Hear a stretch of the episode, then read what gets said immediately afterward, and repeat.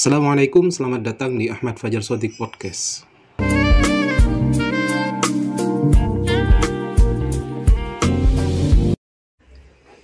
Bismillahirrahmanirrahim. Assalamualaikum warahmatullahi wabarakatuh.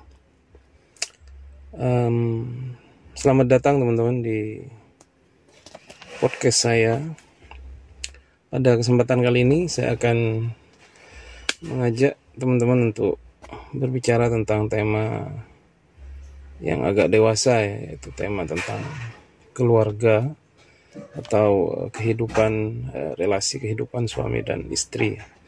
Tentunya ini sangat bermanfaat bagi yang sudah berkeluarga, namun bagi yang belum berkeluarga tentunya menjadi bekal nantinya ya.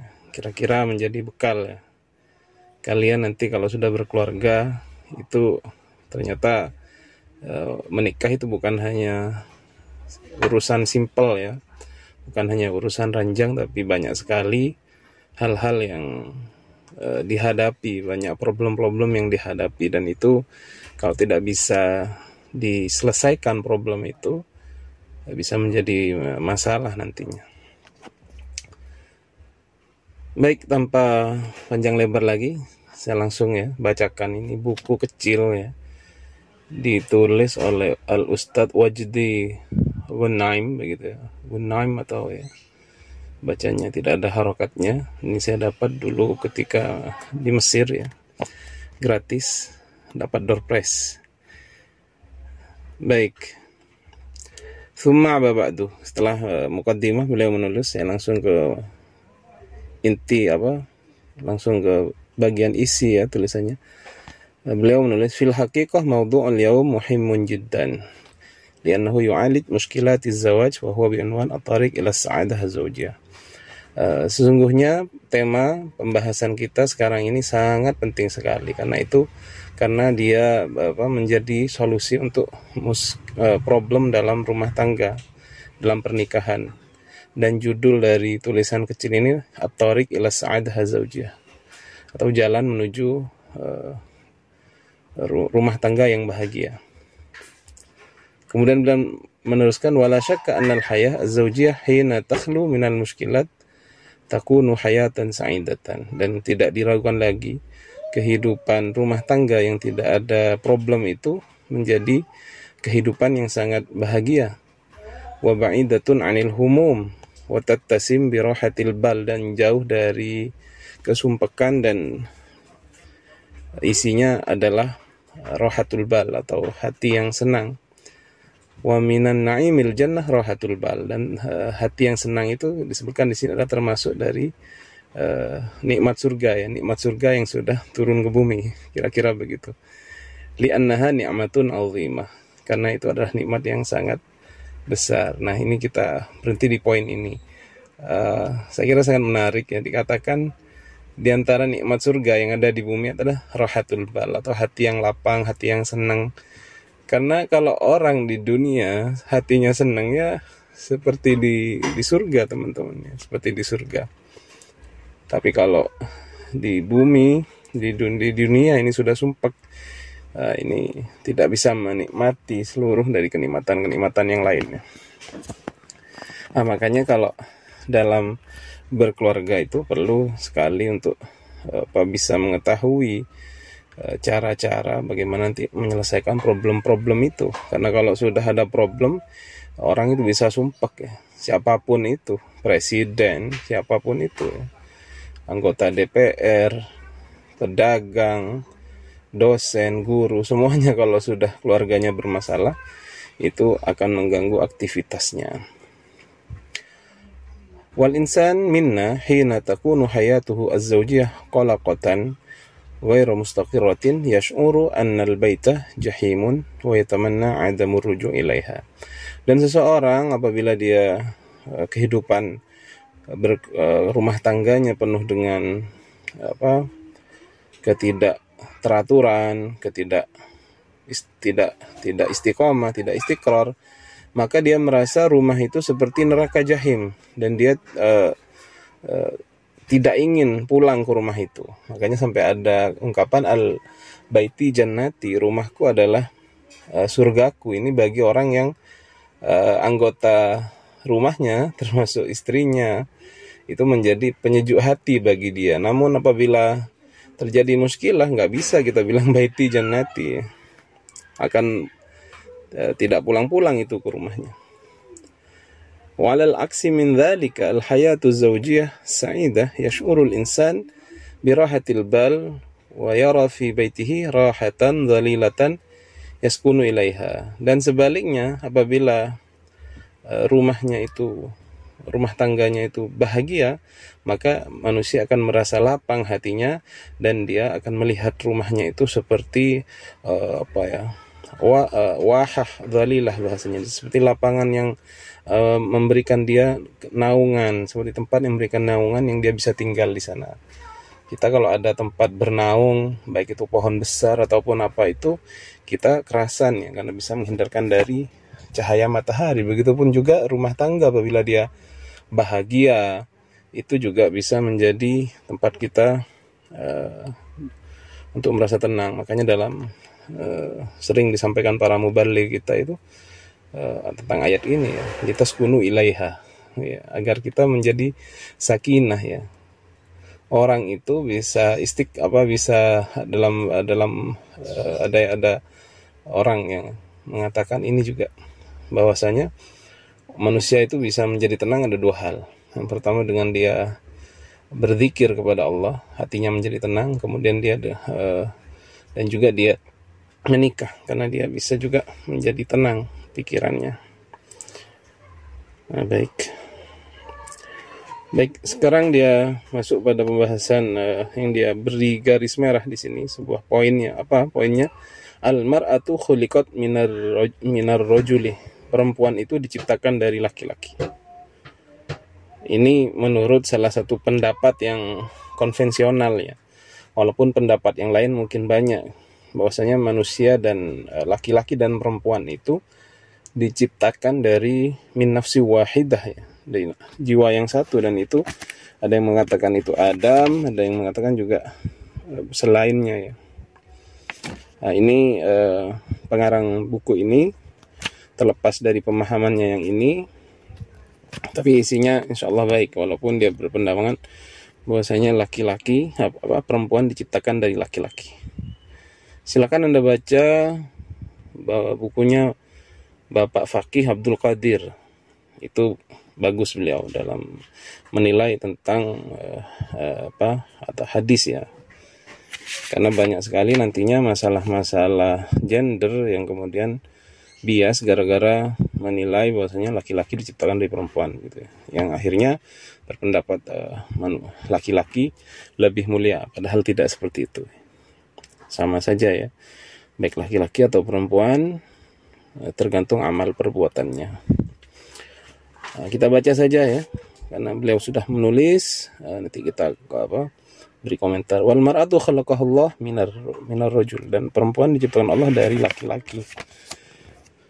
Wa anta hina tatazawwaj tadumu laka nisfakal akhar. Tadumu laka nisfukal akhar. Dan kamu ketika engkau menikah, maka uh, separuh dari jiwa kamu akan dikumpulkan kepada kamu. Yaqulullahu ta'ala Allah berfirman Ya ayuhan nasu taqu rabbakum alladhi khalaqakum min nafsi wahidati wa khalaqa minha zawjaha wa batha minhuma rijalan kathira wa nisa'a wattaqullaha alladhi tasa'aluna bihi wal arham. Innallaha kana 'alaikum raqiba Ya ayuhan nas, wahai sekalian manusia, ittaqu rabbakum, bertakwalah kepada Tuhan kamu sekalian, alladzi khalaqakum yang menciptakan kamu sekalian min nafsi wahidah dari jiwa yang satu. Wa khalaqa minha zaujaha dan uh, dia menciptakan dari itu zaujaha pasangannya yaitu uh, Hawa ya batha minhuma rijalan katsira wa nisa dan di batha itu di disebarkan dari Adam dan Hawa itu rijalan kathira wa baik laki-laki yang banyak dan juga perempuan. Wattaku attaqullah hendaklah kamu bertakwa kepada Allah alladzi tasaaluna bihi wal arham yang kamu meminta dengan Allah itu wal arham dan saling uh, bersilaturahmi. Jadi dulu uh, banyak, uh, Allah itu uh, dijadikan uh, salah satu lafaz ketika orang meminta ya Innallaha kana alaikum raqiba. Sungguhnya Allah uh, atas kamu maha me, apa, melihat, mengetahui. Maha apa ya raqib itu kan ya maha mencatat. Oh, baik, itu ayatnya ya. Wal mar'atu allati hiya zawjuka laysat gharibatu anka. Perempuan yang dia adalah istrimu tidaklah uh, uh, asing darimu. Ya benar ya kita manusia uh, baik laki-laki perempuan sebenarnya tidak ada yang asing dari kita. Bal hiya ah minka dia adalah salah satu potongan darimu. Wa ta'ammal ma'i qaulahu ta'ala dan renungkan bersamaku firman Allah taala hunna libasul lakum wa antum libasul lahun. Mereka adalah libas pakaian bagi kamu sekalian dan kamu adalah pakaian bagi mereka. Wal ayah balighat dilalah dan ayah ini hunna libasul lakum wa antum libasul lahunna ini balighat dilalah. Dilalahnya sangat balig. Ala makna tawahud baina zaujain atas makna menyatunya antara laki-laki dan perempuan, antara suami dan istri, wal indimaj was sitr wal hub bainahuma dan juga uh, indimaj uh, saling menyatu, wasitr saling menutupi, wal hub saling mencintai bainahuma di antara keduanya. Jadi ayat uh, hunna libasul lakum wa antum libasul lahunna ini uh, balighat dilalah beliau sebut begitu. Jadi uh, saling mencintai, saling menutupi kekurangan, saling saling apa ya istilahnya, saling bekerja sama, saling mengisi begitu ya. Karena antara laki-laki dan perempuan ini memang diciptakan Allah berbeda dan nantinya ketika berkumpul maka akan menjadi pasangan yang luar biasa. Begitu ya. Nah ini bagi yang belum menikah nah, ini makanya nanti cari suami atau istri yang benar-benar menjadi penyejuk hati nantinya ya. Tentunya yang salehah yang taat beragama itu yang terutama ya. Wa yaqulu ta'ala fi mawdi'in akhar minal Qur'an. Dan Allah berfirman dalam ayat yang lain dalam Al-Quran wa min ayatihi an khalaqalakum min anfusikum azwaja litaskunu ilaiha wa ja'ala bainakum mawaddata wa rahmah inna fi dzalika laayatin liqaumin yatafakkarun. Dan Allah berfirman dalam ayat yang lain ya wa min ayatihi dan termasuk dari tanda-tanda kebesaran Allah an khalaqalakum min anfusikum azwaja diciptakan dari diri kamu sendiri azwaja akan pasangan. Litas kunu ilaiha agar engkau menjadi uh, sakinah kepadanya menjadi tenang. Wa ja'ala bainakum mawaddah dan diciptakan di antara kamu itu mawaddah rasa cinta wa rahmah dan rasa rahmah. Inna fi dzalika sungguhnya di dalam hal tersebut la ayatil liqaumi yatafakkarun. Terdapat ayat-ayat bagi uh, kaum yang mau berfikir Wa yaqulur Rasul dan uh, Rasul bersabda, "An-nisa syaqaiqur rijal." Perempuan itu adalah uh, saudara kandungnya laki-laki.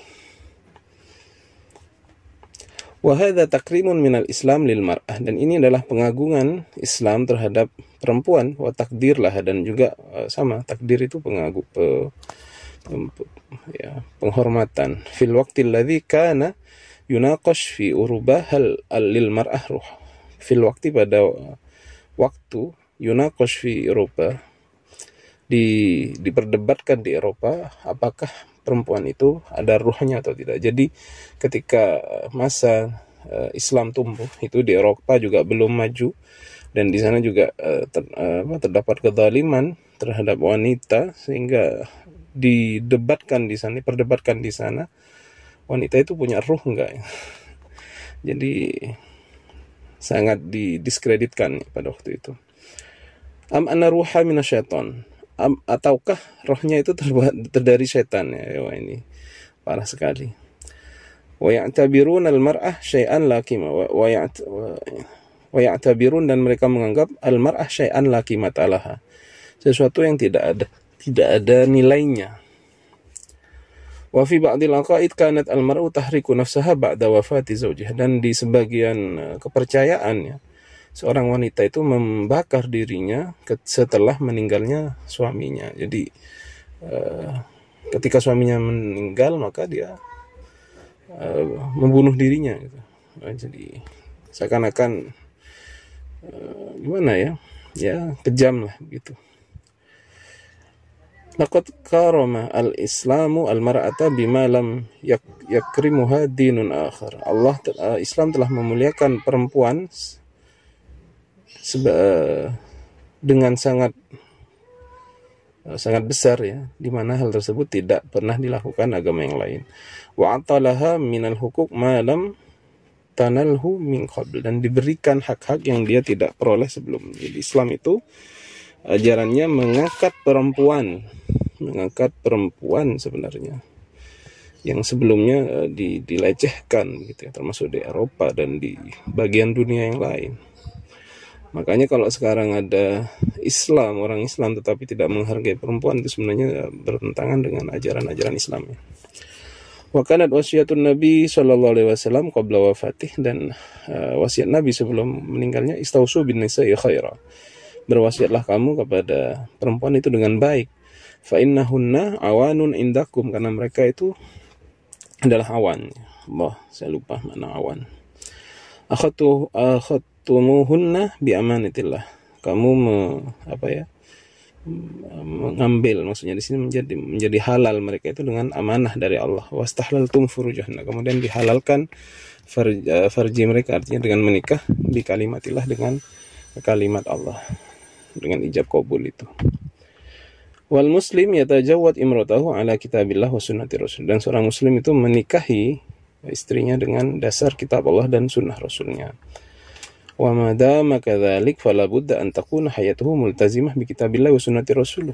Maka apabila dia menikah berdasarkan Al-Quran dan Sunnah, maka harusnya pernikahannya itu juga berdasarkan atas panduan dari Al-Quran dan Sunnah Nabi Muhammad. Wa yabhath anil hululil mushkalatihi min kitabi wa sunnati rasul dan dia juga mencari apa, solusi dari permasalahannya dari kitab Allah dan sunnah rasulnya.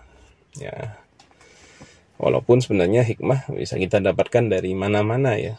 Kalau kita mencari dalam Al-Quran, dalam hadis Nabi, tentunya Nabi itu ya sosok yang sangat mulia, memuliakan perempuan, sangat uh, apa baik ya.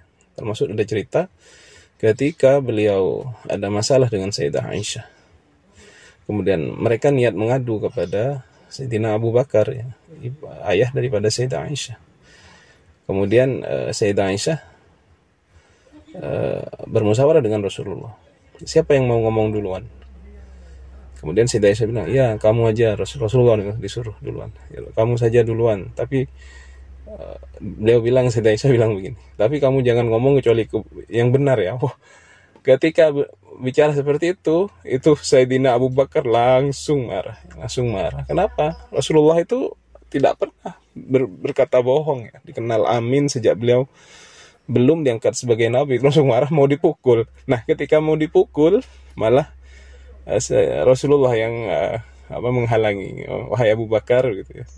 Kami tidak mengundang kau untuk seperti ini gitu ya. Masya Allah Rasulullah Shallallahu Alaihi Wasallam. Uh, baik, uh, ini uh, pertemuan selanjutnya atau pada kesempatan selanjutnya kita bahas tentang atiba mukhtal, mukhtal, mukhtalafah atau atiba yang tabiat atau perangai yang berbeda ya antara laki-laki dan perempuan. Apa sih uh, bagaimana sih perempuan itu itu harus juga kita ketahui bagaimana sih laki-laki itu juga kita harus ketahui ya. Jadi bagi perempuan memahami laki-laki dan laki-laki juga harusnya memahami perempuan sehingga tercipta harmoni. Baik. Ya, saya akhiri dulu sampai di sini. Uh, kita jumpa lagi pada kesempatan berikutnya tentang uh, tiba al-mukhtalifah tadi. Baik. Ya, saya akhiri. Assalamualaikum